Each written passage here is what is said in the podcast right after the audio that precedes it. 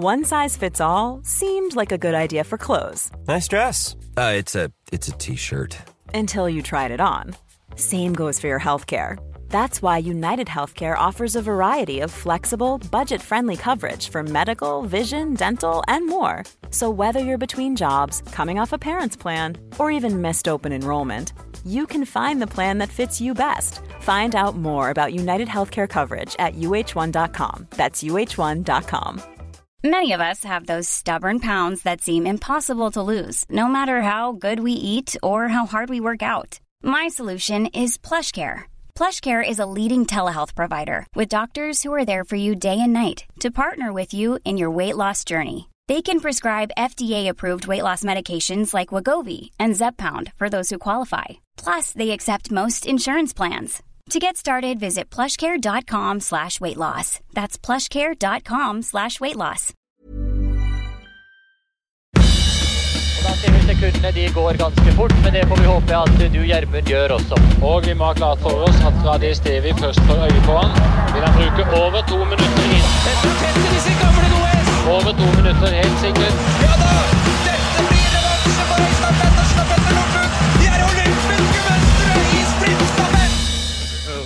Men det, altså, men det er jo altså Jeg må være ærlig. Jeg er, jeg, siden femmila Ja. Siden femmila! Siden de kryssa mållinja, så har jeg tenkt Hva tenker Hans om dette? Ja. Da, det, er, altså, det er drama. Altså, de som, dem som sier at skisporten er død, og vi har vel, jeg har fått hinta til det, det dem tar feil! Spis hattene deres, spis luene deres med en eneste gang, for her er det drama. Det er altså så drama. Jeg, jeg merker også at jeg er ordentlig i bøssen fordi jeg, jeg har tatt meg Jeg, jeg kjørte en kopp, jeg. Jeg kjørte en kopp med kaffe. Vei, det er langt etter kaffetid. Jeg er jo ganske sånn eh, sånn, Du vet jo hvordan jeg er på kveldene, Øystein. Da er det på med blue light blocking glasses. Det er eh, Ikke spise for seint. Og i hvert fall ikke noe koffein. Søvn. Ikke kødd med søvnen min. Ikke kødd med den, og nå gjør jeg det sjøl. Så jeg sitter og fyrer opp Kenya-kaffen. Den smaksserien til Coop kaffe er så deilig. Og jeg visste jeg skulle spille pod med deg. Da er det bare å få det på. Ja, men, men du liker Kenyaen, eller? Å, ja, kjempegod. Altså, jeg dreiv jo med den blå, du husker det? Ja, med ja, den blå, og, var, og, var, og var fornøyd, for den blå er ikke dum. Ja, men det syns jeg ikke. Jeg syns den er undervurdert. Eh, Jeg syns den på mange måter kanskje er bedre enn Colombian, hvis jeg skal være dørgende ærlig. Men det er noe med, de smak, det er noe med det smaksserien. Altså, det er jo hakket hvassere. Det er jo for oss luksusdyr, oss kaffekjennere. Uh, Ja, og der vil jeg igjen slå Det, er ikke, handler ikke om luksus, altså, det mener jeg. Det handler om livskvalitet.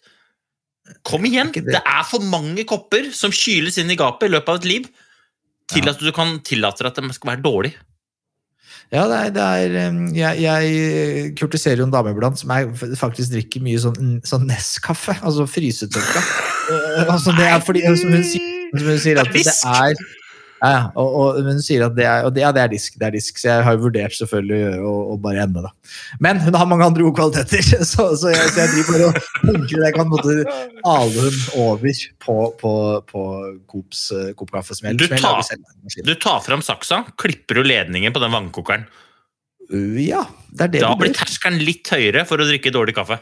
Ja, det er, Og jeg, så, så serverer du deg god kopp eh, Coop Kenya der. Ja, ja, men det, hun liker det. altså, Det skal hun ha. Når hun får servert god kaffe, så vet hun å sette pris på det. Og så, og så tenkte jeg, Usain, dette, dette er jo på en måte en podkast som vi driver selv, og vi har lov til liksom, vi har lov å liksom drive litt med våre ting òg. Jeg, jeg tenkte, er det greit for deg om jeg bruker anledningen til å drive litt sånn skamløs selv, selvpromo, eller? Du, nå sier vi det sånn at jeg går på do. Jeg er borte i 50 sekunder, for jeg må bare bli med lim. Ja, Og så kommer jeg tilbake igjen. Ja okay. Feel free. Ok? Ja, ja den, er, den, er, den er grei. Ja, fordi Ok, nå er det, nå er det meg aleine med dere, dere lyttere. Og det Dette blir kanskje for Jeg vet ikke om dette blir nasty når man er så tett på. Men jeg tenker at vi har et nært forhold, og nå kommer det litt, litt sånn fra hjertet. For jeg, jeg trenger litt sånn hjelp. fordi de av dere som ikke vet det, så, så driver jeg eh, også litt med musikk. Det er på en måte liksom det jeg jeg prøver å drive litt med. Syns det er gøy, syns det er stas. Eh, og det er veldig gøy å klippe og lime og lage trommer og sånn i, i podkasten her. Men jeg prøver liksom å uppe nivået litt også da, i ny og ne. Og jeg skal lansere et musikkprosjekt eh, med mitt eget fjes. og Det er alltid skummelt. Veldig skummelt. Jeg syns det er det. Jeg, jeg vokste opp på Skedsmokorset. Der regjerer janteloven. Man skal ikke stikke snuta fram. Hold nebbet tilbaketrukket. Og her kommer jeg. Stikker eh, nesa fram. Kommer med musikk 26. mars. Altså 26. mars. Da kommer det en låt altså, på Spotify som heter Paris eller Paris, men det låter jo så veldig mye stiligere å si det på engelsk. Eh, og den hadde vært kult om dere hadde giddet å pre-save. Det vil si at dere pre-saver sånn dere får, på en måte, automatisk har liksom lagra den så når den kommer på Spotify 26. mars, så bare smetter den rett opp i, rett opp i, i, i øya på dere. Og måten dere gjør det på, her burde jeg jo, det er, det er en link, da, og den linken skal jeg linke til er faktisk, Jeg skal linke til den på min private Instagram-konto. Det er, og, så kan vi linke til den på Skipodden òg. Øystein kommer sikkert til å synes det er greit. Skal finne, finne, et sted å gjøre det. Og så håper jeg veldig, at det har satt enorm pris på, om dere hadde giddet å gå inn der, eh, trykke på den linken og presave av låta. fordi da det hjelper med å få det liksom fram. Da, da plukker Spotify-algoritmen det opp. Og her er Øystein tilbake. Og, og det sa kjerringa. Det sa kjerringa. Jeg har fortalt masse vitser, masse gøy, masse skiprat. Ah, deilig. Men du fortalte ikke om hva du Nei, syns om det jeg lurer på, håper jeg? Å nei, nei, det gjorde jeg faktisk ikke. Jeg vurderte det, jeg gjorde det ikke. Åh, altså, det er liksom uh, elefanten i rommet. Kan vi ikke bare begynne der? For jeg, jeg ja, må vite. Jeg må bare ja. vite. Ok. okay. Jeg uh, mener, ganske innstendig, så mener jeg at uh, Johannes Høsflot Klæbo er den moralske vinneren av femmila. Og hvis det er noe rettferdighet i verden, eh, så bør han få det gullet. Fordi det var ingen tvil om at han var den beste eh, løperen på slutten av den femmila der. Og jeg, av det jeg kan se, da, så mener jeg at Bolsjunov eh, bevisst forsøker å sperre. Ikke bare ved å være taktisk, for det er lov. Det er en del av det å være god. Og taktisk velge spor. Men jeg mener også at han skjærer, han gjør en manøver der, hvor han skjærer høyresida si ut, ut av sporet han har valgt. Eh, og det er det som gjør at uh, Klæbo kommer ned staven, og det er det som gjør at staven brekker. Og jeg mener at Bolsjunov er skyld i det her selv. Det mener jeg. Ja, ja. Og hva mener du, Øystein? Det er jeg også Nei, spent på. Altså, jeg er jo enig med deg i veldig mye av det du sier. Um, I hvert fall det du sier i forhold til hvem som er den moralske vinneren, eller hvem som var den beste løperen på det i det løpet. For jeg er overbevist om at Johannes Østfold Klæbo hadde slått eh, Bolsjunov på det oppløpet. Eh, hvis man skal liksom Her er det jo veldig vanskelig å ikke snakke med norske briller, med norsk Bjørn Dæhlie-drakt og med norsk flagg midt i panna. ikke sant? For vi er jo nordmenn, vi heier på Norge. Ja. Og øh, vi vil jo gjerne at Norge skal vinne, at Norge har rett. Men hvis man ser helt objektivt på det, så er det jo da sånn Og så er det noen regler. Og de reglene er kanskje litt dårlige, i og med at det blir så mye føss. Men øh, reglene er jo i hvert fall sånn. Hvis man tar det sånn helt Altså, den som går først, først inn på oppløpet, har øh, frihet til å velge spor. Man kan velge ja, hvilke spor han vil selv. Ja, ja, den som kommer bakfra, har jo ansvar for å ikke ødelegge for den som han skal passere. Ja. Og, og, nummer tre den som går foran, har ikke lov til bevisst yes. å ødelegge for de andre. Å endre sporvalg etter at han har valgt spor. Er det ikke ja. det som er ordlyden deres? Jo, eller sånn, han skal ikke bevisst Han skal ikke bevisst sperre. Det er vel egentlig det det står. Eh, og så er det altså eh, Jeg tror alle de tre reglene, eller alle de tre eh, tingene jeg nettopp sa, blir brutt. Jeg tror eh, Bolsjunov velger det sporet han velger, bevisst, fordi han har sett Klæbo løse det oppløpet og skyte fart på utsiden. Så da tenker han ok, jeg kommer først ned. Først så sperrer jeg innsida. Så går jeg så lang bane som overhodet mulig mot det ytterste sporet, sånn at Klæbo må velge å bremse, gå forbi meg på venstresiden av meg, mm. mindre fart inn på oppløpet, og så jeg, maksimerer jeg min sjanse til å vinne. Jeg er helt overbevist om at han sperrer Klæbo bevisst for å maksimere sin egen sjanse. Mm. Og så tror jeg òg at Klæbo er skyld i at Bolsjunov brekker staven, men feilen til Klæbo er kanskje at han ikke trekker seg tidlig nok og, og går på venstresiden. Så jeg tror vi ender opp med at Emil Iversen, som gjør et fantastisk løp og Ja, ja. vinner eh, Han hadde jo blitt nummer tre hvis ikke de to hadde surra det til.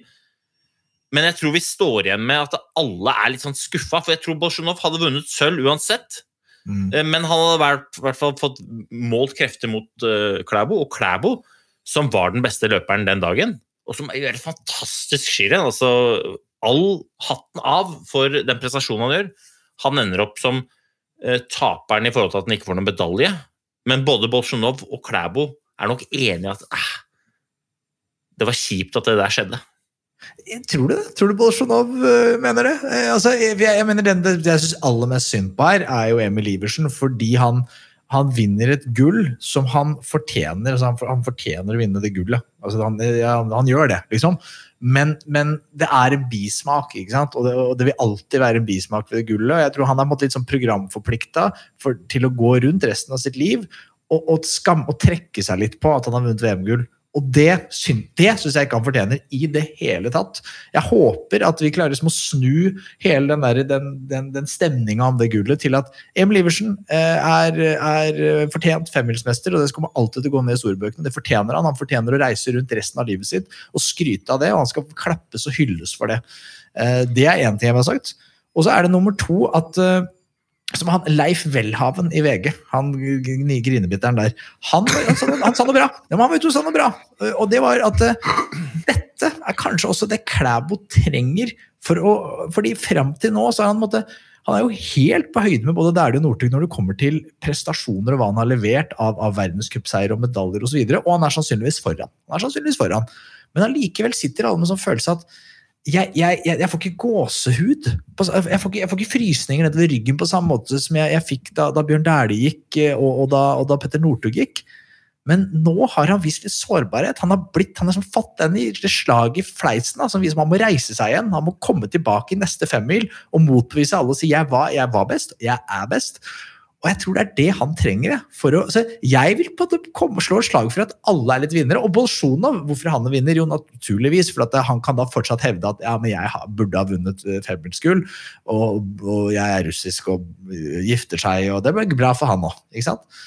Jeg syns ikke det er så gærent. Det eneste, så lenge vi klarer å ta med oss at Emil Iversen må vi hylle. Må, vi må hylle han, vi må ikke la han trekke seg på at han har vunnet det femmilsgullet. Ja, det var noen som skrev på Twitter 'Femmil Iversen'. Mm. Liksom, Femmil Fe Iversen.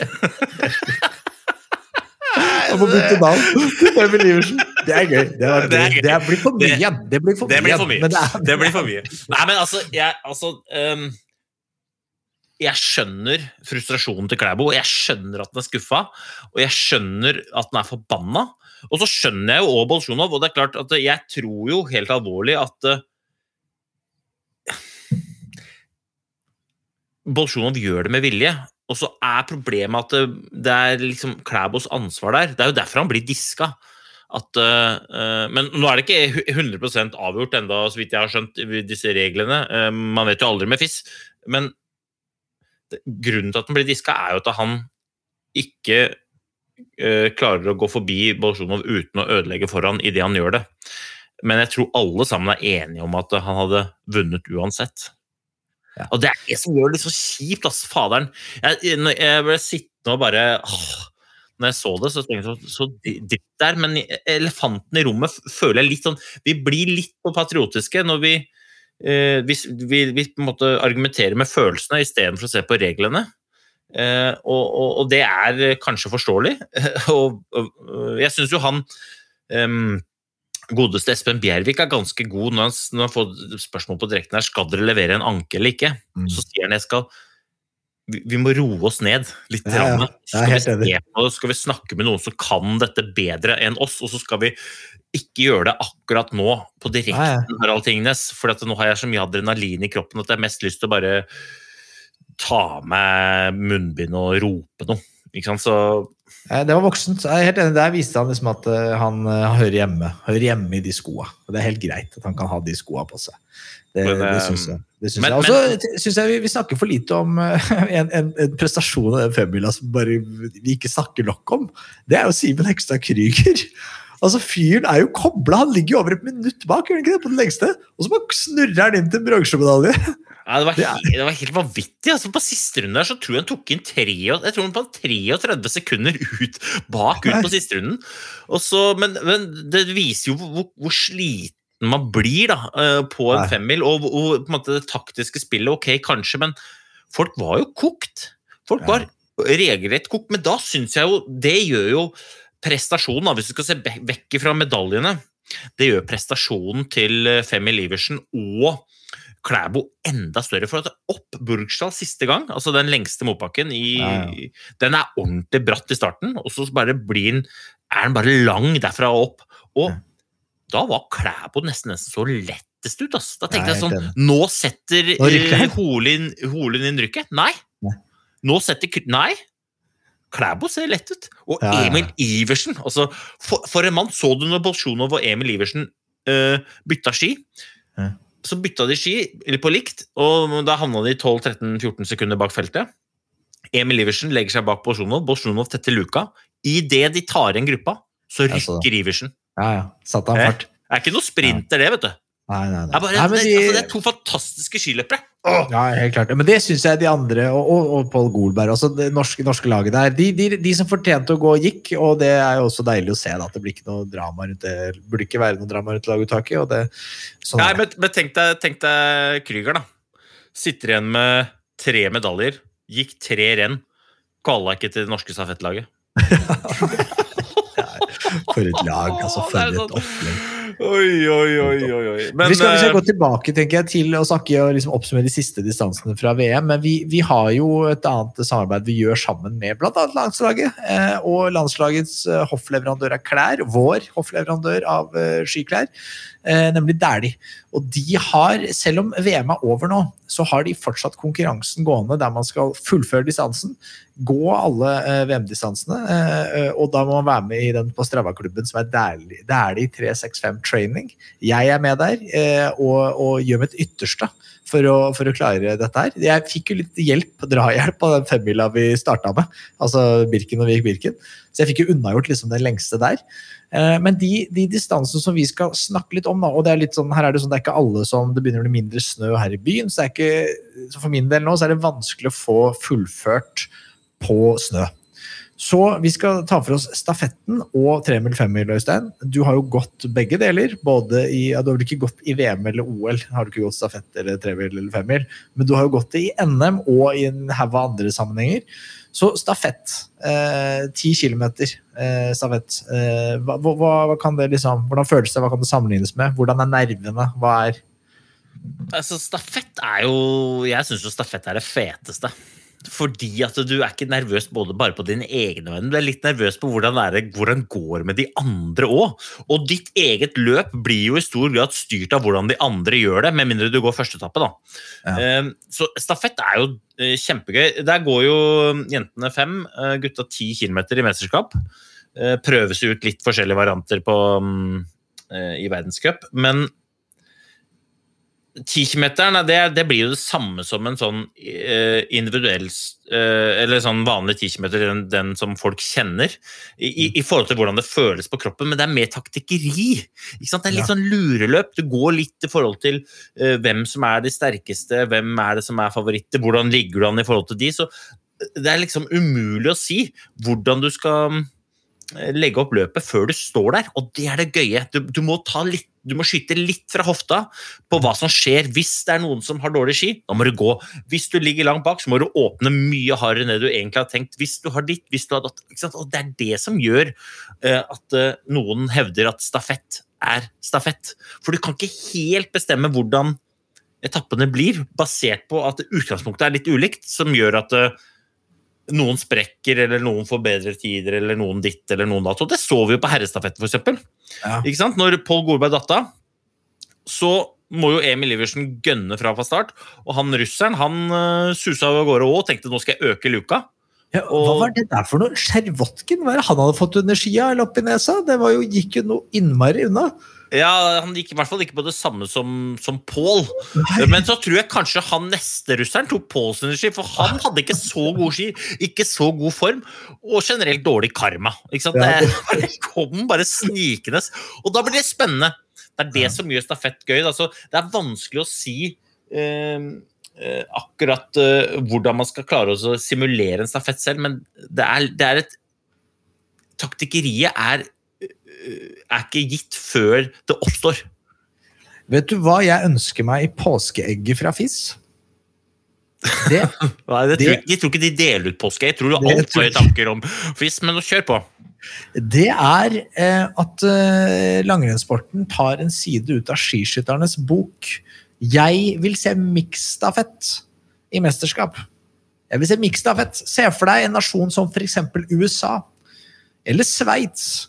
De kan plutselig være helt oppe og nikke der eh, i en miksstafett. da. To damer, to menn. To ganger fem kilometer, to ganger ti kilometer. Ja, Ja, ikke dumt. Men da går du ja, ja, nei, da Kanskje vi får mer av de der For det er jo, det har vi glemt å si. Fy søren, så du de franske der, eller? Altså, De klikka jo. De hadde drukket uh, litt rann, uh, Kenyas før, uh, før han der sistemann kom inn der. Altså, Det var jubling. Han ene tok jo staven, kitta av gårde. Hadde det vært publikum, hadde folk blitt blinde. Altså, Ja. Det var altså et show. Guttungen, Sigurd, på fem, han lo altså så mye han så den jublinga der. Han skjønte ikke vitsen med å juble så mye for å komme på sisteplass på pallen. Ja, nei, det er, det er eh, Jeg liker jo innstillinga hans. Jeg liker innstillinga hans. Det er Skam dere mer for bransje, Frankrike! Skam dere mer. Ja, hvis, du da, hvis du trekker parallellen, altså se liksom på uh, når de franske gutta gikk på tredjeplass på, på den provisoriske pallen på snøen i Oberstdorf, og så sammenligner du det med Simen Hegstad Krüger. Litt forskjell! Bitte litt forskjell på, på Krügeren etter femmila og på det franske laget etter Jeg tror fire ikke- mil, da, men øh, fordelt på fire etapper. Ja, jeg tror, det, jeg tror det, det er forskjellen. Og vi kan jo bare ta det når vi snakker om det, damestafetten. Så eh, veldig, jeg syns jo det var veldig trist, jeg, da, at eh, Sverige mm, At det gikk som det gikk. Smørte seg bort. eh, Stakkar, altså slått Kalla, som liksom ja, klarte å treffe formen til VM. Og det var så stas, det var så gøy. Og jeg må innrømme at jeg syns at jeg hadde, jeg hadde satt, jeg satt så frem til den uh, kvinnestafetten. Det, det var høydepunktet for meg, det VM her. For at det skulle bli kjempeshowdown, Norge versus Sverige, og, og, og Sverige var favoritt. Altså, Sverige var jo soleklar favoritt. Og så ble det ikke det dramaet, det eposet, som vi hadde sett frem til. Nei, det var øh, Du vet, når du kjøper sånne rakettpakker øh, på, på nyttårsaften, og det, du bare gleder deg så mye, og så tenner du på, og så er det bare Og så det bare Nei, det var ikke noe gøy. Jeg har gleda meg så mye, og alle bare stikker inn. Ja, det er fire igjen! Nei, bare, jeg går og ser på noe annet. Det, går bra. Sånn var det. Altså, det var ikke noe gøy. Det er noe repriser av Mr. Bean på TV. Bare gå fint, bare, bare fyre opp noen tanks. Ja, det nei, nei, nei, nei, nei. Nei, det mm, Jeg er enig, ass. Det var um, Men Det det gikk jo fint for Norge med en junior på siste etappe. Tøft av Helene Fossesson. Det gikk jo fungert som bare rakkeren, det. Har vi fått en Yankee-kvinne? mm, Det må du nesten spørre hun om, men hun fikk jo et spørsmål her, så jeg på Jeg vet ikke hvor det var, men om det var på, jeg så det på Instagram. Men hun leverer jo i mikssonen, for hun, hun fikk jo et spørsmål om et eller annet, og så svarte hun ja, man skal tidlig krenkes. Ja, hun har sovet på rom med Heidi Weng. Ja, men det er sånn det er. det er mine altså. to favoritter. Altså, Heidi Weng må jo få som gjest. Vi, altså, jeg syns hun er ja, helt nydelig. Helt nydelig. Det Det tror vi jeg faktisk vi må vente til, til det er fysisk. Hvis ikke så tror jeg ikke hun kommer på. for det, er. Det er for mange mails og det mye det blir Men vi, vi- når det blir Vår første fysiske gjest, Yes. Heidi Weng. Jeg er enig. Og så, øh, så det vil si, sånn er det å gå stafett. øh, Sånn er det å gå stafett. Ja, nå, alle sitter klart igjen med det nå. Ja, men la oss hoppe til, eh, til en tremil, femmil. For dette her er jo Dette føler jeg er et game du kan. Eh, Og det så vi jo. Du flisa jo over fra Arena til Lillehammer på slalåmski på under tre timer. Så det å gå langt, og, og det, det, det er du god på. Hva, hva, hvordan, hvordan fungerer det? Og det som jeg tenker er litt spennende med dette, og spesielt for de eliteutøverne vi ser, det, at de går jo aldri femmil. Det er jo bare når det er mesterskap omtrent. Og så har vi vel en i Holmenkollen hvis det ikke er korona. Mm, ja, det er jo riktig, og det er jo nok den distansen de trener minst på. Men som kanskje betyr mest. Ja, ja, ja. Ja. Altså, femmila Jeg vet ikke, men eh, hvis jeg kunne valgt alle distanser å vinne OL-gull på, så tror jeg ikke jeg hadde valgt teamsprint. Da tror jeg jeg hadde valgt femmila, faktisk. Ingen hadde valgt teamsprint.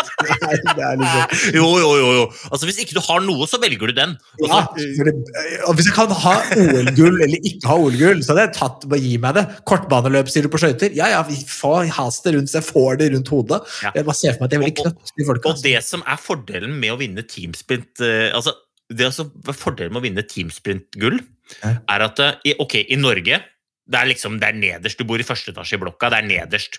Ja. Men det er bare i Norge vi vet hva langrenn er. Så når jeg reiser til Bahama, Olympic Gold Medalist, sier du, rett inn. Klasse. Sitter jeg ved siden av Sergej Bubka og liksom gjengen bare Ja, ja, hei, hei. Louis, Ja, halla. Og, så prøver jeg å fortelle dem hva det var. Nei, det var cross country skiing, sier jeg da. Oh, hi there, Michael Jordan. You only have one Olympic gold. You too. Oh, nice. I'm in the club.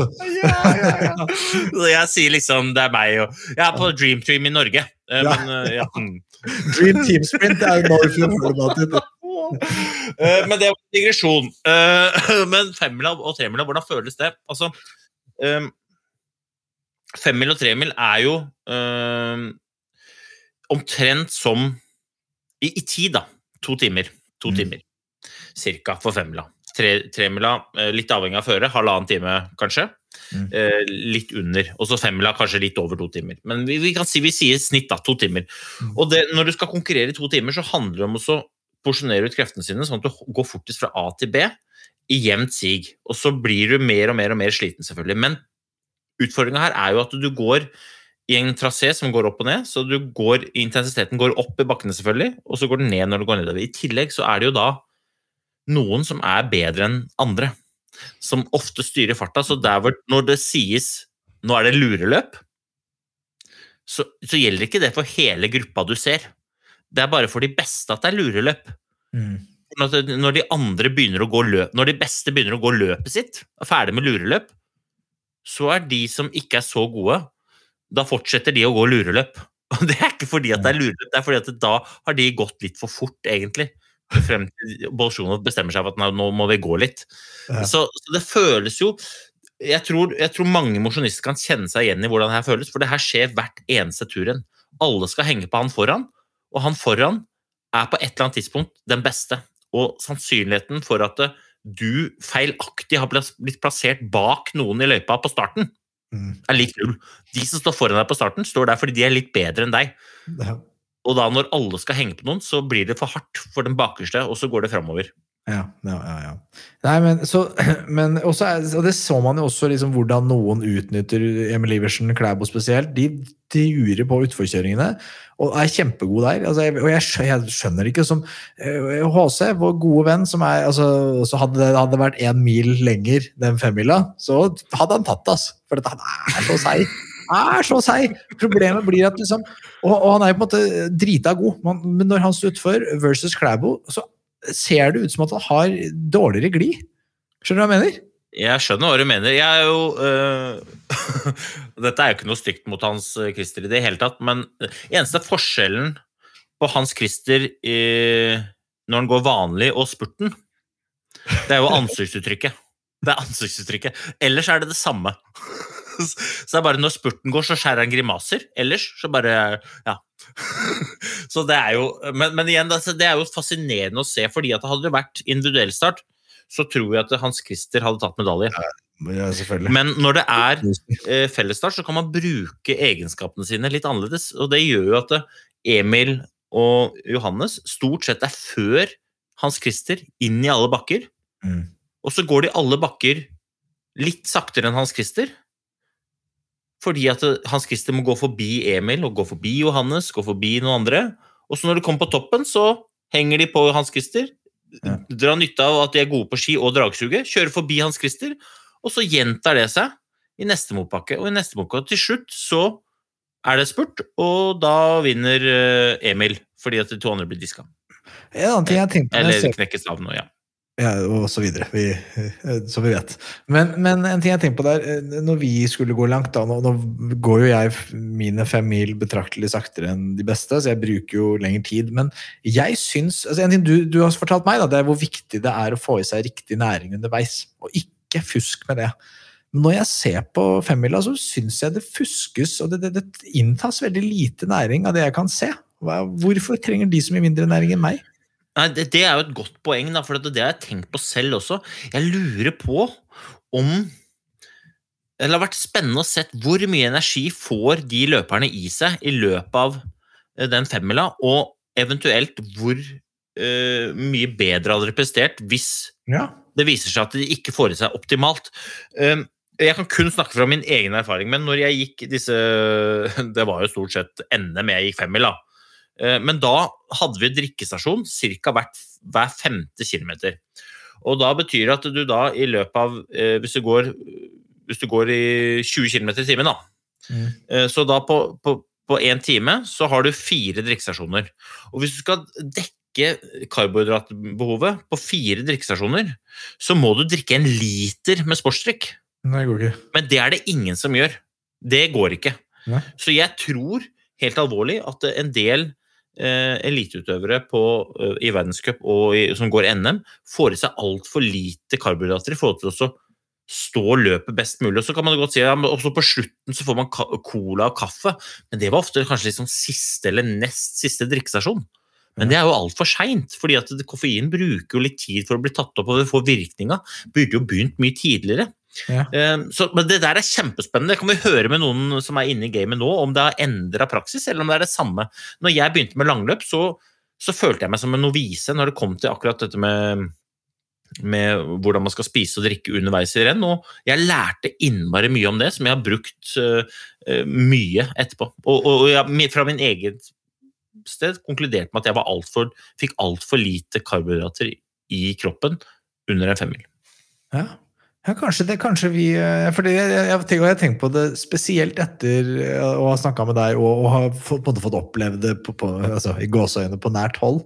Eh, så syns jeg det ser ut som de burde hatt noe, og det er jo ikke noe de gelsa de har på seg, det, og det er jo ikke et problem om de hadde hatt med seg tre-fire gels på den dressen de første rundene der. Det hadde jo ikke, Nei, absolutt ikke. de i det hele tatt, og da kunne de fått i seg det er jo ganske, det er jo 25 gram rett i gapet ganske effektivt. Ja, eller de, kunne til og med, de kunne til og med ha fått gelen på toppen Yes. av eh, en bakke, eh, hvor noen står og klemmer i og Du bare får gelen, klemmer den i gapet og Mm. går videre. Ferdig åpna. Eh, Men Ja, ja, ja.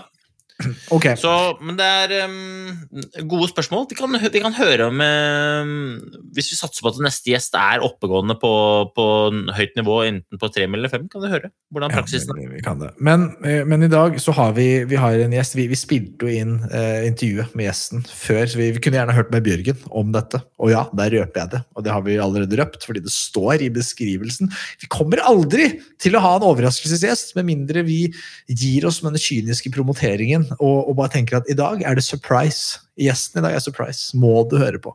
Det får bli eh, en gang.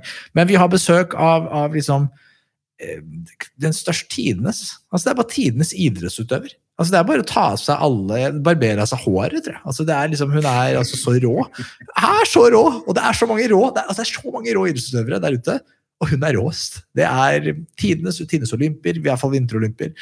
Ehm, altså Vi har besøk av Marit Bjørgen. Jeg gleder meg altså som en unge. Hun har vært en helt siden jeg var Hun har jo vært med lenge, siden jeg var ung og til jeg er i den alderen jeg er nå. Er det noe mer å si om det enn å bare ta henne inn? Jeg sitter her på Wikipedia. Ja. Og, Det er én ting ja. Vi, vi må nevne altså Marit er jo gjest i kraft av at hun er rå, men òg fordi at hun gikk Vasaloppet. Ja, ja. Og jeg satt jo og så på Vasaloppet, hele Vasaloppet. Fra ja, vi har ikke 07.40. snakka om Vasaloppet. Det, det, sorry, beklager, Øystein. Altså, Nei, vi kan fint. ikke ta en Bjørgen helt ennå. Vi må ta en rask recap av Vasaloppet, Ja, og, selvfølgelig. og uh, Vasaloppet Vi trenger ikke å snakke så mye om dameklassen, for det skal vi gjøre med Marit. Men herreklassen Ja. Altså eh, Det er jo et spesielt år, eh, og selvfølgelig, når ikke massene får lov til å gå, så er det perfekt føre for eliten. Så liksom Neste år, folkens, når vi får lov til å gå, jeg garanterer motvind, masse snø, blåbærsoppa i sporet og ikke noe god stemning. Men i år der er altså, det er medvind. Det er ni mil medvind. Bortsett fra akkurat der hvor de snur gjennom uh, Evertsberg etter 45 km. Der er en liten sånn bergspris hvor du må gå rundt en liten sånn der bu. En lita sånn blåbærsoppa-bu. Ja. Der var det litt motvind. Så det var tolv 12 sekunder med motvind. Ellers storm, medvind. Det var is mellom sporene. Litt sånn Ski Classics-karma nedi sporene som gjorde at det, selv om det var perfekt, så var det ikke perfekt. Så alle skøyta utenfor. Det var som å gå på rulleski, ikke sant? God S. Sitte og se på. Og, og hva er det som skjer? Jo, faderen, når Tord Asle Gjerdal stikker av gårde. Og jeg har eh, gått på ski hele livet mitt omtrent sammen med Tord. Jeg var på juniorlandslag sammen med Tord uh, i, tilbake i 19 pil og bue. Uh, god stemning, og han er jo fortsatt knekker rundt med pilotbrillene sine. Vinner. Uh, og, og jeg hyller ham for det.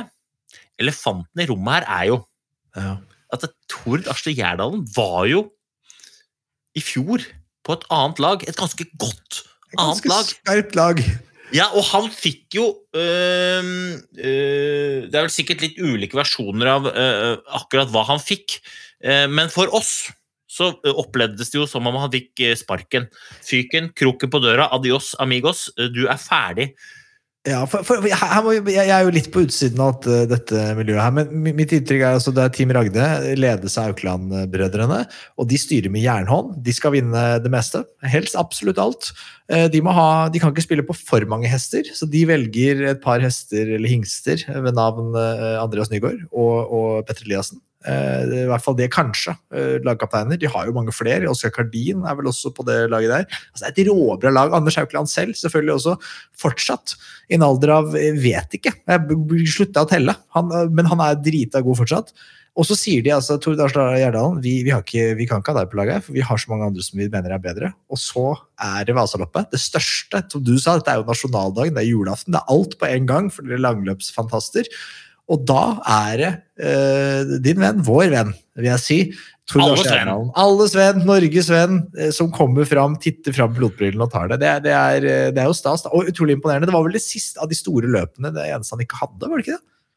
Jo, altså Det er noen som kaller det for monumenter, og det er viktig å vinne disse monumentene. og Det er tre monumenter. Det er Marcialonga, det er Vasaloppet, og det er Birken. Birken er avlyst. Marcialonga vant uh, Emil Persson. Vasaloppet vant Tord Asle Gjerdalen. Og det må eh, Dette er bare min analyse av saken, men jeg er ganske sikker på at Tord syns det smakte ekstra godt å vinne Vasaloppet. Altså, der kommer han, ikke sant? Jazzende inn i moraparken. Bror Gard Philip står på en kul, gir en litt drikke. Ikke sant? Man har liksom hatt med seg i sekken sin. Alexander Gonzo Gonzales eh, drar opp og smører litt ski. Altså, det er jo De har en smørekiosk. Ja, de, de har faktisk det. Og så bare kommer han med pilotbriller. Har ikke råd til sportsbriller engang! Nei. Nei, det går fint. Seier. Jeg, jeg, jeg tror nok det smaker eh, ekstra godt. Og så kjenner vi eh, Team Ragde så godt at vi vet jo at hevnen blir søt. Ja, det kommer, bli, den kommer For det er, det er gode skiløpere. Ja. Det er gode skiløpere. Hadde litt ass. dårlig ski. Eh, Hadde de litt dårlig ski. eh, De pleier jo alltid Altså, å være helt Basert på Basert på resultatene til Team Ragde, basert på løperne og kvaliteten på løperne, så tror jeg at de har hatt en Og dette er bare igjen rein synsing fra min side, men når jeg ser på resultatene, så tenker jeg at de hadde en intern greie om at kanskje ikke toppski. Kanskje ikke toppski. Og det sier jeg bare fordi at de stort sett har fantastiske ski, og kanskje er vant til å ha de beste skiene i feltet. Og nå tror jeg ikke de hadde det. Eh, Det kan godt hende at det er helt feil, eh, men det er min eh, analyse av saken. Ja. Du nevnte jo litt her etter vi, du satt her i en pod. Vi hadde nettopp gått Birken, så var sikkert litt oppe der. Og så sier du ah, søren heller at det er det karantenegreiene. For nå, nå er jeg i slag, altså. Det hadde vært gøy å teste meg med mot de beste. Og, og hvis ikke jeg tar feil, så er det vel ekstra vondt for deg, fordi det føret man fikk, da, det er vel et føre som ikke du er helt fremmed for, er det det? Nei, altså, det er jo Det var medvind. Ja. Det var knallhardt. ja. Det var tydeligvis lov til å smugskate. Altså, det, er, det er ikke det mitt føre. Det er som å gå på rulleski. Det var Det er som å gå på rulleski. Så det jeg har fått de spørsmålene Hvor bra hadde du hevda det? Ja. Da sier jeg Det er cocky å si at jeg hadde vunnet. Men, eh, et, en plass mellom to og tre, kanskje? Nei, men helt, helt, helt ærlig, helt, helt ærlig hva, hva, hadde, altså, hadde du vært liksom helt oppe der? Nei, det, det, tror jeg ikke. Jeg tror ikke det. De, de, fire beste var jo innmari gode, men jeg er helt overbevist om at uh, hvis det var noe føre jeg kunne hevda meg på, med dagens form og grunnlag, så var det det føret som var. Fordi at jeg er god til å gå på rulleski. Fordi at jeg er ikke trent til å holde de lengste rennene, men nå var jo det lengste rennet ikke så langt. Nei. Og når det er sånn, øh, sånn føre, så blir man stående mellom sporene, og det blir man sliten av. For å få til det, så må du være god til å stå på ski, og du må være god til å stå på rulleski, du må være sterk i beina. Du ser sånn Anton Karlsson for eksempel, han som blir nummer to. Ja. Altså, han er jo, når han er på sitt beste, så er han en fantastisk skiløper. Men han er en, en, min påstand er at han er en enda bedre rulleskiløper. Ja. Ja, ja. Det var ikke så mange eh, otosnappere, eh, og bare otosnappere, helt foran. Av den enkle grunnen, tror jeg, at det blir litt for spett når det er sånt føre som er. Hadde det neste år, da, når jeg står på start her sammen med deg, og det er liksom løst og drit og motvind, da kommer de til sin rett. Ja, der, der, back at it. Back at it. Der er Petter Eliassen tilbake. Nei, Snakkes. ikke tenk, ja, ja, ja, er du gæren? Uh, men, eh, og han ville jo ikke skøyte heller. altså Han var jo den, egentlig han som vant uh, Vasaloppet. Han gikk jo bakerst, skøyta ingenting, tenkte slapp av, juryen tar dette. Ja. Nei, Dessverre. det gjorde de ikke. Dessverre. Dessverre. Ikke i år. Men, men en siste ting før vi tar inn Bjørgen. Ja. Det ble jo rekord. Ja. Ikke sant? Tord satte jo rekord, og Vaseloppa har jo blitt gått noen år. Og nå tror jeg Tord slo rekord med 12-13 minutter. Helt Altså, sinnssykt. Det er helt den blir stående en stund. Og de snakker jo, eh, Det reagerte jeg på. Jeg må innrømme at vi snakka litt om det, og det kan vi ta, jeg tror det blir en annen pod. Snakke om TV-sendingene og sånn. Jeg, jeg syns det blir for kjedelig. Så jeg, jeg, jeg må innrømme det. Jeg sier det her først som sist. Jeg spola. Jeg spola litt. I, i, kom inn litt seint, spola meg gjennom. Men jeg så jo selvfølgelig de siste, siste mila der. Og når de kommer i mål, og det er ny rekord, så tenker jeg sånn Hadde det vært hvilken som helst annen gren, så hadde vi ikke, ikke snakka om han. Det er ny verdensrekord! Se for deg hvis, hvis han der, eh, han der Vareholm hadde løpt inn til ny rekord. Det hadde ikke, det hadde vært forsiden av alt. Men når, når, når Tord slår rekorden med 15 minutter, i hvert fall nesten, så er det sånn I en bisetning så nevner de kommentatorene dette. Det er tydelig at det er ikke så Ja, det var en ny rekord også. Nei, men det, altså, det er jo feil. Altså, på eh, lokalradioen i Mora så prata de masse om det. ja. Ja, jättebra her. Härligt. Och Tord vant på ny, nytt rekord. Og ehm, ja, jättebra. Eh, inga, och en annen rekord. Inga som drakk eh, noen någon plats. Det Og her har de Evertaub med låt. men, men jeg fant også ut hva, hva, min, eh, jeg tror hva min mening med livet er. Og det er å ha på seg det der, det der kransekostymet å være kransegutt. Og, og når de snakker noe sånt og, Årets kransegutt er uh, Preben Torsteinsson, som har blitt årets kransegutt. Og jeg gir meg ikke. Jeg skal ikke gi meg med liv, og det må leve før de, de må si Årets kransegutt er Hans Olav Ingholm, som har kommet hele veien fra Skedsmo på Gårdstad før. ja, og hvor i Sverige er den dialekta derfra? Den er en blanding av kommentatorene til NRK og hele Sverige. Samla i én skånsk Du er like dårlig på svensk som jeg er til å synge 'Gratulerer med dagen' på dansk. Det er en prestasjon. Det skal du ha. en av høydepunktene i skipoddens spe historie. Men nok om uh, fjas. Jeg har prøvd å ta inn Bjørgen jeg, nå de siste 20 minuttene, og jeg prøver igjen. Skal vi ringe opp tidenes norske langrennsløper? Nå setter vi over til kanskje mitt største forbilde.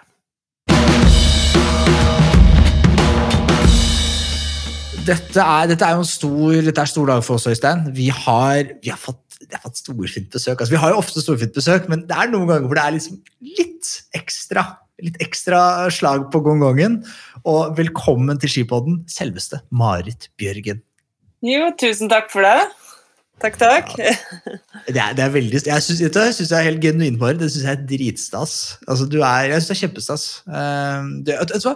Jeg, vi starter med det, faktisk. Jeg, vi har jo en venn av podkasten, Marit, som er han heter, han heter vel ikke det, men han kaller seg for Noregarden.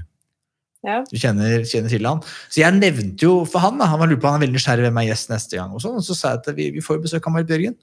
Og da fikk jeg altså så mange eh, bøker av Limericksbøker, og han sa at han har jo, han har jo avslutta i hvert fall et par bind.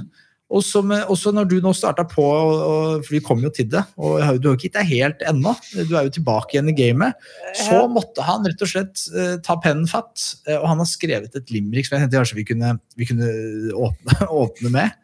Er, du, er dere klare? Ja, jeg er klar, ja. Vi er så klare. Kom igjen. Ja, okay. Okay. God lyd nå, eller? Nå er det god lyd. Ja, nå må det være god lyd her. Vi setter på, vi setter på litt sånn jubel fra, fra dine heydays, Marit. Litt sånn jubel i bakgrunnen. Burde egentlig selv ha stoppet å skrive om Bjørgen, men hoppet på vognen igjen når hun atter går renn, og det til og med er Vasaloppet. Ja, det var bra. Det var ikke dum, den. Nei, det var ikke det. Det er god. Det bor jo en Limericksbok eh, bak den der, tror. Ja. det er deilig, altså. Det er godt at vi får åpna kontoen til Nordegården på Bjørgen Limericks. Det er deilig. Det kjenner jeg har vært et savn. Ja, det er det. Og, men han sier det jo her. Eh, Vasaloppet var i, i helgen, eh, var i går. Eh, og Marit, du, du gir deg ikke, du. Det er jo bare rett inn i sirkuset, og så er det oppe der. Eh, og eh, hva, Få høre litt. Ta oss gjennom liksom, dagen eh, i går. I dagen i går, ja. Ja, den starta jo tidlig. Jeg gjorde jo det. Nei, ja, det mm, Ja, hva skal jeg si? Det var jo tilbake til det å være ja, skiløper igjen, da. Og det å bo sammen med skiløpere igjen, det var liksom å kjenne litt på det igjen, da. Um, men når jeg gikk workup, så fikk man jo det meste servert. Uh, men her eh, må man jo gjøre det ja, mye av det meste sjøl, egentlig. Eller sånn, eh, det som var litt nytt, er jo det at um, når du skal gå langløp, da, så må du også ha litt drikke og næring underveis. Så litt sånn eh, det å lage litt drikkebelter eh, og lage Hvor skal du ha gelen på drakta? og litt, Det er mye sånn greier da, som jeg, jeg ikke har vært borti, som jeg måtte lage før, kvelden før, i hvert fall eh, før søndagen, lørdagskvelden. Så det var jo litt nytt. Og så, men eh, ja, hva skal jeg si? Jeg sov veldig lite egentlig natt til i går. Jeg gjorde det. Jeg var nok litt spent på hva jeg kom til å møte. Om jeg ble gått eh, ræva av fra start av. Så, men eh, det var jo Ja, det ble en bra opplevelse. Det gjorde det. Virkelig. Så ja. Men til dette med, jeg er så nysgjerrig på det, for at dette med gels og sånn, Øystein har jo også snakka om det. Men er det ikke, du er jo, du er jo på lag med en haug av rutinerte folk. De, så de, de, de sier sånn Klar deg sjæl. Dette er velkommen til langløpsverden, eh, Marit. Ja, men jeg fikk, eh, jeg fikk hjelp da, til å lage og, og mekke sammen drikkebelter og eh, plasser på Eller hvor jeg skal ha gelen på drakta. Jeg, jeg fikk eh, god hjelp til, så jeg gjorde det. Men eh, jeg måtte jo være med å bidra litt sjøl. Jeg kan ikke bare legge skidressen der og forvente at eh, nå må dere fikse hvor skal jeg sette gelen, eller hvordan beltet var. Men eh, Nei, det, jeg fikk god støtte der. Jeg fikk fortalt hvordan det skulle gjøres. Det gjorde jeg, så det, og sto ikke på det. det var, Men, men hvor, mye har du, hvor mye har du øvd på mm, Eller Visste du omtrent hvor mye du skulle ha i deg? Eller var det noe råd du fikk, eller var det noe du bare tippa? eh, det var bare litt råd fra eh, de andre, de erfaringene de hadde. Så jeg har ikke trent på det sjøl og hva, hvor mye jeg eventuelt trengte. Eh, så jeg tok bare en sjanse. Og jeg har jo litt erfaring, men det er jo tremil, da, sånn sett. Og litt eh, hvor eventuelt langt det kan gå uten eh, mat. Jeg har jo langturer på tre timer, men det går jo litt roligere intensitet. Da. Men eh, det var bare litt erfar erfaring fra de andre, og råd. Så Kan jeg, Ja. kan jeg spørre, hva, hvor, hvor konkrete var de rådene? Eller på en måte hva Når jeg selv gikk, så, så sikta jeg på opp mot 100 gram karbohydrater i timen. Eller tre, tre gel i timen, da, hvis hver gel var ca. 30 gram karbohydrat. Vet du noe om hvor mye du ble anbefalt å ta i deg? Nei, jeg fikk eh, De spiste omtrent ja, kanskje tre til fire gel i, i, eh, i selve hele løpet. Så en gel i timen da, på 100 eh, gram, tror jeg var. Ja. Eh, jeg, og, ja, og det å bare drikke godt underveis, da. jeg fulgte jo bare det rådet. Så det ble to gel. Eh, og så ble det masse drikke. Så, men eh, jeg gikk ikke tom. Det holdt. Jeg var pistrongene eh, allerede når jeg var igjen seks mil, så Ja, for du vurderte ikke å Jeg har gått Vasaloppet. Jeg lurer på at rekorden min er sånn fire-fem ganger. Jeg husker en gang jeg gikk ned fra Evertsberg. Der er det ganske mye nedover halvveis. Og da satt jeg bak Håvard Skorstad, og da gikk vi med, hadde vi sånne kraftdresser med to lag sånn med høl i. Og da husker jeg bare begynte å renne på baksida av låra på den, og satt den og pissa på vei ned, liksom. det er helt det er disk. Ja, ja. Men du, du slapp å pisse? Ja, jeg gjorde det. Eh, hvis jeg skulle ha pissa, så måtte jeg pisse i buksa, ja, for å si det sånn. Ja, men det har eh, Det kan skje de beste, det. Eh, Men, men eh, Marit, det var jo da ganske raskt føre, var det ikke det? I hvert fall utenfor Mm. sporet. Ja. Er det, var det sånn tenkte du når du sto opp da at yes, yes, dette er liksom, her spilles jeg god, eller var det sånn at du skulle hatt det litt trådere? Uh, ja, akkurat før så tenkte jeg at er kanskje litt bedre med litt tyngre føre, tenkte jeg. Eh, men uh, ja, tenkte også kanskje blir litt kortere. Det er jo bedre at det blir kortere løpstid, sånn sett, men uh, for uh, eventuelt eh, mine armer og i forhold til herding, sånn sett, men eh, det går jo ni mil uansett, sånn sett. Eh, men eh, jeg vurderte jo å gå med klassiskskoa, for jeg syns jo det er best, da. Men eh, jeg ble jo fraråda et kvarter før jeg skulle dra, på, dra til start, om at jeg burde kanskje gå med kombisko. Så da, da tok jeg kombiskoa. Jeg er veldig glad for det. Og det- Og så gikk det jo de gikk jo ganske bra, vi må jo si det. Eh, Jeg trodde jo Jeg tenkte jo nå at nå, hun tar det. Hun tar jaggu meg. Bare kommer inn og sier sånn artig med langløp, folkens. Moro. Moro at dere holder på. Artig. Sverige, Vasaloppet. Greit, gøy. Her er Marit. Ta med seg kransen og drar. Men, men det ble ikke så greit. Hun eh, Lina Korsgren er ikke Og er ikke ja, hva, hva syns du om det der? Var det, var det tøft å svelge, eller var det greit? Nei, jeg syns det, det var veldig greit. Det var det. Det er jo klart, når du er nummer to, så var det jo fryktelig nærme. Så kanskje litt sånn irriterende, men eh, attpåtil så er jeg egentlig veldig fornøyd, fordi jeg visste jo ikke hva jeg gikk til. Og jeg har jo ikke kjent på det nivået før.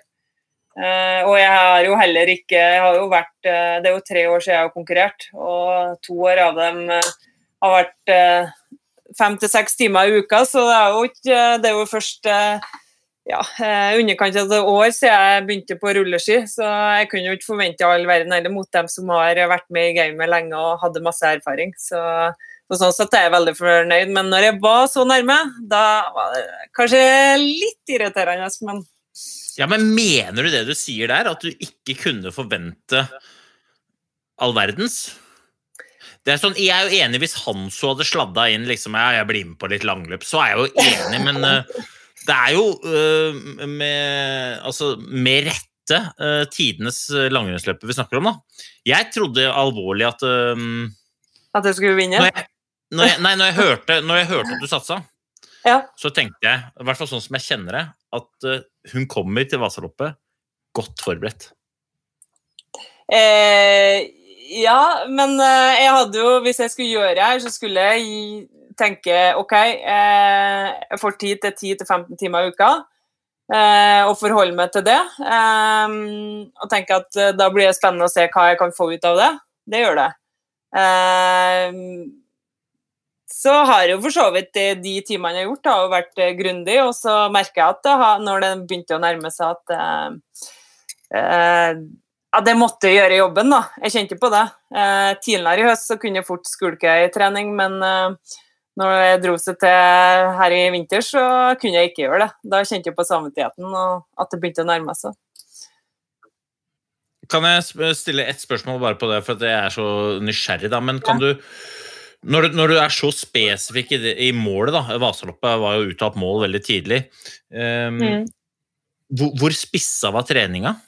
Måte, hvor hvor, målretta og hvor, uh, hvor nøye planlagt var hver økt og bevegelsesform? Kontra Eh, f.eks. når du gjorde, gikk vanlig langrenn. det, det var ikke så planlagt. Eller det som jeg hadde i hodet, var det at uh, når jeg trente, så var jeg enten staking eller løping. da. Uh, altså hadde fokus på tre hardøkter i uka. Um, og prøve å få til noen langturer. Og ja, på tre-fire timer en uh, ja, to til tre ganger i uka. Nei, i måneden, tenker jeg. Eh, så ble det litt mer spesifikk nå i, i vinter, da når snøen kom. Og da hadde i hvert fall en fire timers litt eh, med intervaller inni hver uke. da gjorde. Og det var nok kanskje veldig avgjørende. Og det var jo Jørgen også som pusha litt på det, og det tror jeg var ja, som sagt avgjørende for at jeg, jeg lyktes såpass som jeg gjorde. da, av det. Tror jeg. Mm. Og, men da er det, det er staking det har gått i? Eh, Eller har du gått Mm. variert? Nei, jeg har, jeg har ikke smørt ski i hele tatt i vinter. Det har kun vært eh, staking og eh, kanskje litt, eh, litt skøyting, men det er da under ei økt hvor jeg også har staka, men da at jeg har skøyta litt i motbakkene for å spare armene litt. Og det er jo elefanten i rommet da. Ja. Sav, sav, har du liksom savna diagonalgangen nå? Eller synes du at eh, har det funnet glede i å drive med staking? Jeg må si litt ensformig, så jeg må si jeg savna diagonalen litt. Jeg har det. Jeg skal være ærlig og innrømme det. Det er ikke det svaret jeg ville ha. Nei! Nå er det over, Nå er det over folkens! Nå drar vi hjem. Men, men siste, siste så observasjon da fra, fra Vasaloppet er jo Jeg tenker at det er jo litt bra for Ski Classics som konsept at ikke det går an, selv for Marit Bjørgen, å bare komme tilbake med ikke den samme det treningsgrunnlaget du pleier å ha, og bare knabbe det. At det er på en måte litt sunt at eh, Korsgren vinner. Er det ikke det? Jo, absolutt. Og hun var jo, hun er jo veldig sterk òg. Eh, og jeg merka jo det ja, Sånn i forhold til Bosse, når det, du har ni mil, da, og det er staking, og kanskje det går mer Det hjelper ikke å ha en bra kapasitet. da. Her går det også på stakeegenskaper og fartsressurser og ja, det taktiske spillet i det, og ja, flere ting da, som spiller inn. da enn bare kanskje kapasitet, da, som jeg tror kapasiteten min er for så vidt eh, bra, syns jeg. Men det er jo det å Jeg kjente jo det at armene begynte å fikk det på slutten der, og spesielt da gutta kom, at jeg, jeg klarer ikke å henge med, og det, det ble, ble jo avgjørende òg. Men jeg, jeg tror jo hvis vi hadde gått sammen inn til mål, så hadde hun slått meg i spurten også. Det. Eh, to, to spørsmål. Det ene er jo liksom Ja. Hvor var det du liksom kjente på styrker og svakheter deg og Lina dere imellom? Også, og det er jo et helt tentativt og helt hypotetisk spørsmål, men tror du at utfallet hadde vært annerledes hvis det hadde vært et vanlig år hvor dere hadde stått på start, og starten hadde gått med 16 000 mann samtidig? At det kunne blitt et annet løp da, hvor da det taktiske spillet dere imellom ble mer eh, styrt av omgivelsene? Eh, Det kan jo godt hende. Eh, hvis vi har eh, eh, fått gått med, med flere gutter. Eh, nå eh, var jo Det var jo kanskje ca. 20 gutter som var foran, oss, og det er jo ganske tøft å henge på der når det toget kom. Eh, men hvis, vi hadde starta sammen, kanskje jeg hadde fått eh, hjelp av noen andre som har vært, eh, kanskje har vært litt nærmere. Så kanskje jeg hadde gått litt fortere i første bakke, og kanskje jeg hadde fått en luke da. Som, og fått god hjelp av noen gutter som har vært litt lenger bak, da. Kanskje inn. Hvem vet? Mm. Men mm. det er, det er så mye som eh, vi har lyst til å prate med deg om. Men, men kanskje én ting når vi først har deg med, så, så er det én ting som vi begge har snakka om, i sted, som vi skulle ha gravd og spurt litt om. For det er jo sånn det er ganske mange unge skiløpere som hører på, hører på eh, Skipodden. Og du har jo en del erfaring da, som er ganske unik. Um, og eh, hva er det som vi snakka om tidligere? Hva, hva er det du har lært, liksom? Altså, gjennom, eh, du har vært eliteutøver på det øverste nivået i 20 år. Eh, og jeg, måte, Hvis jeg skal finne et godt spørsmål her, så må det være liksom eh, hva, hva ville du ha fortalt 18 år gamle Marit Bjørgen eh, dersom du kunne ha satt deg ned med henne i dag? Ja, eh, hva skal jeg fortalt? Det er jo eh, Har man lyst til å bli eh, verdensmester eller olympisk mester eller god på ski, så kreves det jo hardt arbeid. Det gjør jo det. Eh, men det viktigste er jo at du har den indre motivasjonen. Hvis ikke den er der, så tror ikke du har muligheten til å legge ned den jobben som kreves heller. Eh, og så For min del så er jo det at jeg hadde ja, var både allsidig, spilte jo håndball og fotball. Eh, jeg hadde ungdomstida mi. Eh, jeg levde jo ikke noe var ikke noe Eller jeg levde jo på en måte mye samme liv som de andre mine venner som ikke drev med idrett òg. Jeg tror jo viktigheten av å ta vare på den ungdomstida og gleden med å drive med idrett. Og at du på en måte har den indre motivasjonen, og at du får på en måte styre valgene dine sjøl. At du ikke blir pusha og pressa av ja, foreldre, trenere, eh, folk rundt deg. At du på en måte tar de valgene dine sjøl. Og så er jo det at du er ja, skal man bli god opp og frem og bli senior og oppover, så kreves det jo det kreves jo hard jobbing da, over tid. Og um, ha kontinuitet i den jobben som uh, skal legges ned. Skal man på en måte lykkes. Men, men hva eh, eh, Jeg har jo vært så heldig å være i samme miljø som deg, og veldig mange andre som er helt ekstremt gode til å prestere. men du, Therese, Petter, Johannes, Emil altså Det er jo noen som på en måte skiller seg ut. Mm. Selv om det er veldig mange som tilsynelatende gjør omtrent det samme. Mm. Hva er det med Marit Bjørgen eller med, med, de andre som gjør at dere er da det lille hestehodet bedre? Er det det dere gjør når vi ikke ser dere? Er det, er det mentalt? Er det genetikk? Er det liksom Hva er det som gjør at noen lykkes bedre enn andre, selv om folk tilsynelatende gjør det samme? Ja, for det er jo enig i at jeg tror mye av innholdet i trening er jo stort sett det samme. Og så handler det om, kanskje om kontinuiteten i det. Kanskje ikke gjør det mm, for vanskelig. Eh, på en måte så er det jo egentlig enkelt. Men det handler jo også om utvikling, da. At man jobber med det utviklingsområdet. Eh, og så kanskje ikke bruke for mye energi. Eh, være god på å koble av, gjøre eh, andre ting. Som sagt, ikke, også den mentale biten, at det er kanskje mange som tenker å bruke for mye energi og gjør det litt for vanskelig. Og være, for å kanskje være litt avslappa forhold til det. Det er i hvert fall tenker jeg for min del, da, sånn sett. Eh, ja, ikke gjør det verre enn hva da. Det, det, er jo vanskelig å si. Det er jo, det er jo små marginer òg. Men uh, hvis du ja. uh, Hvis du kan si Eller trekke fram den egenskapen da, som du har, som har gjort at du har blitt så god som du har blitt. Altså Hvis du skulle valgt én egenskap, eller to eller fem, for den saks skyld, men på en måte, hva er det du mener Marit Bjørgen har som gjør at du har blitt så god som du har blitt? Og jeg tror at du kunne blitt så god uavhengig. Og jeg tror, tenker de mekanismene er like om det er innenfor idrett, eller om det er næringsliv, eller om det er på skolen, eller om det er det ene eller andre. Jeg tenker at De mekanismene er like, men hvilken egenskap er det som har gjort at du har blitt så god? Eh, det er jo den der eh, kanskje sjøltilliten og tryggheten, da. Og positiviteten. At eh, Eh, det er jo sånn I perioder når det har gått dårlig for meg, også, så har jeg jo lagt skirenn bak meg og tenkt ja, neste gang da skal jeg klare det. Eh, så jeg, jeg, er jo på en måte ja, Det er jo vanskelig å sette vanskelig å eksakte, men jeg tror jo også den roen og sjøltilliten og tryggheten, gleden med det jeg gjør, eh, og den positiviteten, da men, men du, du, sier jo med selvtilliten her, men ja, mener, jeg har hørt deg i intervjuer si at du er ekstremt nervøs, i hvert fall for en del renn. da, Så er du veldig nervøs før start. Mm. Eh, hvis selvtilliten er det, vil jeg tenke at det er sånn Hallo, jeg er Marit Bjørgen. Altså, Hva snakker du om? Dette, er, dette kommer til å gå greit.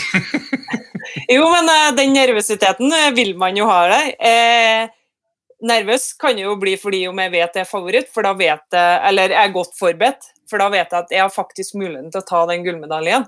Jeg mm. er så godt forberedt, jeg er i kjempeform, og her har jeg muligheten. Og da gjør man at man blir nervøs på å få til at ting skal stemme, ski skal være der, dagsformen skal være der, allting, de små tingene skal være på plass. da. Og så Den nervøsiteten liker for det gjør meg ekstra skjerpa. Hvis ikke han er der, så går det som regel dårlig skirenn. Så det Eh, si det er ikke godt å ha men eh, det er på en måte også godt å ha for da vet jeg at jeg er fokusert på det jeg skal gjøre. Da. Er det å, på å få ut mitt beste. Så det er bare et godt tegn. Er det. det er fordi at man vil Ja. Det henger jo sammen med gode prestasjoner. Ja. Men da eh, Marit Bjørgen legger opp, god S, vinner NM. eh, folk eh, Eller folk, jeg sier folk, men det er Heidi Weng gråter på TV, og alt er som det skal være. Eh, drar hjem, og så går det et år, og så hører vi Nei, Marit Bjørgen kommer tilbake igjen. Hun skal begynne med langløp. Og da, lu- to år, ja, selvfølgelig! To år! Ja. Tida flyr Jeg har godt fått, jeg har fått et barn. Men, men da er da spørsmålet Hva er det, hva er det som måtte trigge deg da? Det som, var det noe du savna i på en måte hverdagen? Eller er det noe? Er det, hva er det som trigger deg som gjør at det hadde vært gøy å se hvor, gøy, hvor fort jeg kan gå Vasaloppet? Eller om det er noe annet. Hva, er det som trigger deg da? Eh, Jeg hadde faktisk ikke tenkt tanken sjøl. Før jeg fikk en telefon fra Jørgen Aukland. Så var jeg var egentlig ikke inne på tanken, og så var det han som lurte på om jeg ikke hadde lyst. Eh, han sendte faktisk med melding til Fred Børre først, og så uh, Jeg må ha litt tid å tenke på det, sa jeg. Uh, og så purra Jørgen på etter ei halv uke og lurte på hva jeg tenkte. Og så og så pusha også Fred på hvorfor ikke, hvorfor ikke gjøre det. Og så var jeg sånn "Ah, Ja, hvorfor ikke, da? Jeg ble sånn Ja, ja. Uh, jeg tror ikke jeg tenkte egentlig så mye over konsekvensene før, eh, ja, før jeg sa ja, og så ble ting et offentlig mål, og så da skjønte jeg at farsken, her må jeg faktisk eh, gjøre litt jobb for at jeg skal klare òg. Um, det, det er bare sånn Kanskje jeg bare hiver meg ut i det. Uh, ja, hvorfor ikke Da hadde jeg jo på en måte slitt litt med motivasjonen for å komme ut og trene, og så tenkte jeg det, det er også fint å ha et uh, mål å trene mot. Eh, og det gjorde at jeg også kom, kom ut og, for å få trene. Så, men jeg tror bare offensiteten min og bare Ja, hvorfor ikke? Følte, du, følte du noen gang, Angra du noen ganger liksom, når du gikk på rulleski der sammen med Jon Arne Riise? Tenkte liksom sånn Hvorfor, hvorfor gidder du dette? liksom? Jeg, jeg har ingenting å bevise, og nå ja, vaser jeg rundt nede i, i Vestfold med Jon Arne. Riise. Tenkte du noen gang liksom Dette var, dette var dumt. Eh, ja, jeg har tenkt tanken, ja. Jeg har det. Innimellom. Det er sånn ah, Hvorfor eh, sa jeg det her? Og hvorfor la jeg Eller ble det et offentlig mål, da, sånn sett? Ja, for det er jo litt forskjellen på når Marit Bjørgen sier hun skal gå Vasaloppet, og jeg sier at jeg skal gå Birken. Det er ikke, så, det er ikke, det er ikke nasjonal interesse når jeg skal gå Birken, Eh, men det blir jo det når du skal gå, eh, når du skal hoste. Eh, Ja. Sånn eh, er jo han. Hanso han har åtte følgere på Strava, og en som heter Audun, kommenterer én gang. så, Det er, så eh, det er litt forskjell, faktisk. Eh, Det er det. Ja. Men hvor godt følger du med på um, langrenn nå, Marit? Eh, Jeg følger jo med, jeg gjør det. Eh, Jeg får jo med meg ja, Nå har jeg jo to små, ja, men, så helgene går jo, men jeg prøver nå innimellom å få med meg og se skirenn og ja, får noe med meg resultat, ja. Men, men de små Marius han må jo komme til en alder nå hvor han begynner å ha litt favoritter. det? Hvem er det han heier mest på eh, når han ser på TV? Uh, Nei, han har egentlig ikke noen favoritter. Nei? Nei, da er det Han vet jo hvem Klæbo og Therese er, da. Det gjør han Ja. jo. Therese er jo innom innimellom, så han får, han får jo møtt henne. Det hadde vært gøy selvfølgelig om han heia på Bolsjunov, men jeg skjønner at det ville du ikke sagt uansett, kanskje. hvis det var tilfellet. Nei, jeg hadde ikke det. Nei, jeg skjønner. Jeg skjønner. Altså, vi kan jo gå litt inn i det. Er litt, vi er jo litt nysgjerrige på vi, vi skal, altså, VM har jo vært VM nå. Hva, hva, hva, liksom, hva tar vi med oss hvis man prøver å se litt forbi akkurat det siste her som, måtte, som skjedde? Hva, hva, hva syns du det er? Hva tenker du om disse de, på kvinnesiden? Så Therese selvfølgelig er jo en, eh, altså, en egen klasse. Men Mm. bak henne så Sverige er jo liksom i større grad på gang, er det ikke det? Jo, absolutt. De har jo et uh, ungt lag, uh, og de er jo veldig sterke, Uh, så jeg vil jo si mm, De er jo nesten hakket foran Norge sånn sett, fordi at det er et såpass ungt team da, som presterer. Og vi er jo det laget som er nå på dame- norske, men så er jo egentlig godt voksen, bortsett fra Helene. Så Ja, for jeg tenkte der, var det du som ringte til Perry, din gamle smører, før stafetten, og bare bare fiks den stafetten, er du, Perry, for gode gamle dager? Ja. Var, det, var det sånn, eller? Ja, det var det. Jeg måtte være, være med inn i spillet litt. Nei. Ja. Takk, for, takk for sist, Kalla. Ja. Nei, ja. eh, Det, er jo ikke, det var vondt, vondt å se på Kalla. Jeg var det, altså. Jeg må innrømme. Ja. Og så er det, tenker jeg bare, vi, vi må hoppe til det. bare, Jeg, jeg, må det her for å være litt, grann, litt grann sensasjonell her. Men altså, hvem, hvem, er det som hadde, hvem er det som fortjener det der femmilsgullet? Altså, hva, vi må bare høre hva Bjørgen sier her. Han, som fikk det, fortjente det òg, syns jeg. da. Ja, ja og helt klart. helt klart. Det liksom var dårlig, stilt, dårlig spørsmålsstilling her. Eh, Men altså, er det, var det riktig å diske Klæbo? Er vel mer ja, Det er, jeg syns jo det er en vanskelig sak. Det er det. Uh, absolutt. Men uh, ja. eh, Jeg syns jo Bolsjunov tøyer grensene sine òg, uh, veldig. Eh, men klart, han var jo kanskje hakket foran der og kunne gjøre det. Eh, så kan jo det diskuteres om det skal gjøres sånn, da. Det, Jeg, jeg oppsummerte saken sånn, jeg, Marit, at eh, det er, det er tre regler. Det ene er jo at eh, han som er foran, har rett til å velge spor. mm, Han som er bak, er ansvarlig for å ikke krasje med han som er foran. Og han som går foran, har ikke lov til bevisst å sperre han bak. nei. Jeg tror alle de tre ble brutt. Ja.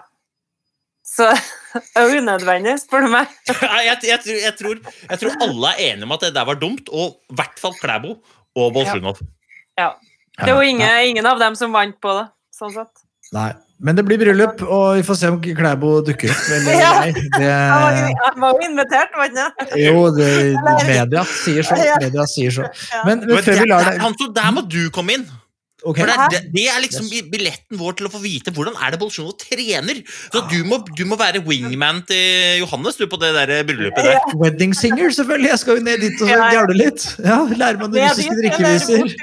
Ja, Ja, men det ligger jo, det er jo, jeg er jo liksom Jeg er jo Jeg tror jo en uh, trønder fra bygda det passer bedre inn enn en kar fra Byåsen. tror jeg. Eh, Ja, nok riktig. Ja, ja. Han, Det er nok han er nok den første i Sibir med den sveisen der. Det tror jeg. Det tror jeg absolutt. Det er mye hårvoks. av.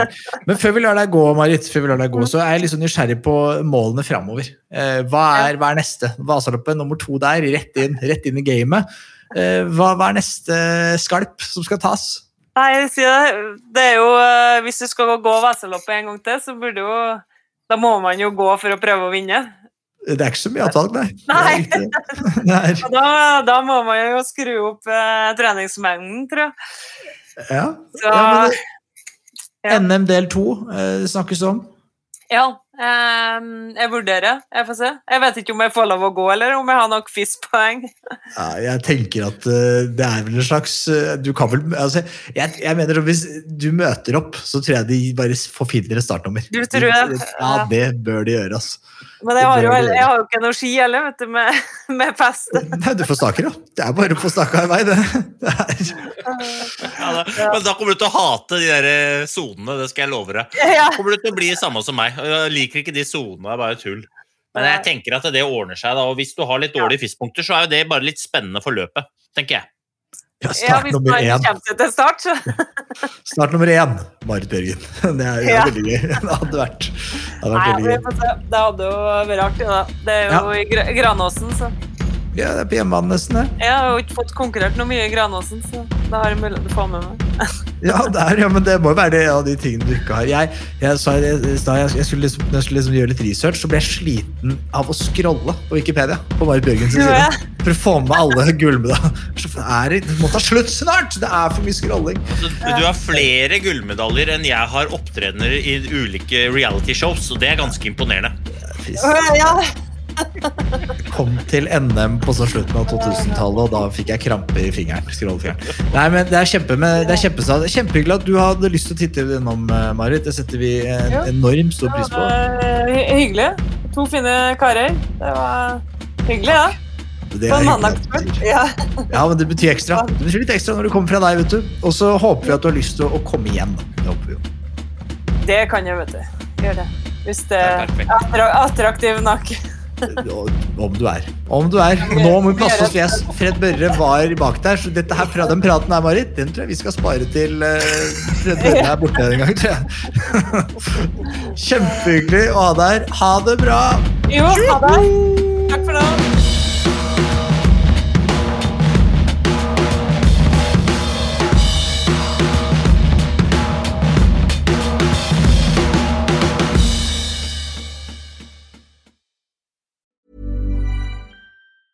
Planning for your next trip? Elevate your travel style with Quince. Quince has all the jet setting essentials you'll want for your next getaway, like European linen, premium luggage options, buttery soft Italian leather bags, and so much more. And is all priced at 50 to 80% less than similar brands. Plus, Quince only works with factories that use safe and ethical manufacturing practices. Pack your bags with high-quality essentials you'll be wearing for vacations to come with Quince. Go to quince.com slash pack for free shipping and 365-day returns. When you make decisions for your company, you look for the no-brainers. If you have a lot of mailing to do, stamps.com is the ultimate no-brainer. Use the stamps.com mobile app to mail everything you need to keep your business running with up to 89% off USPS and UPS. Make the same no-brainer decision as over 1 million other businesses with stamps.com. Use code PROGRAM for a special offer. That's stamps.com, code PROGRAM.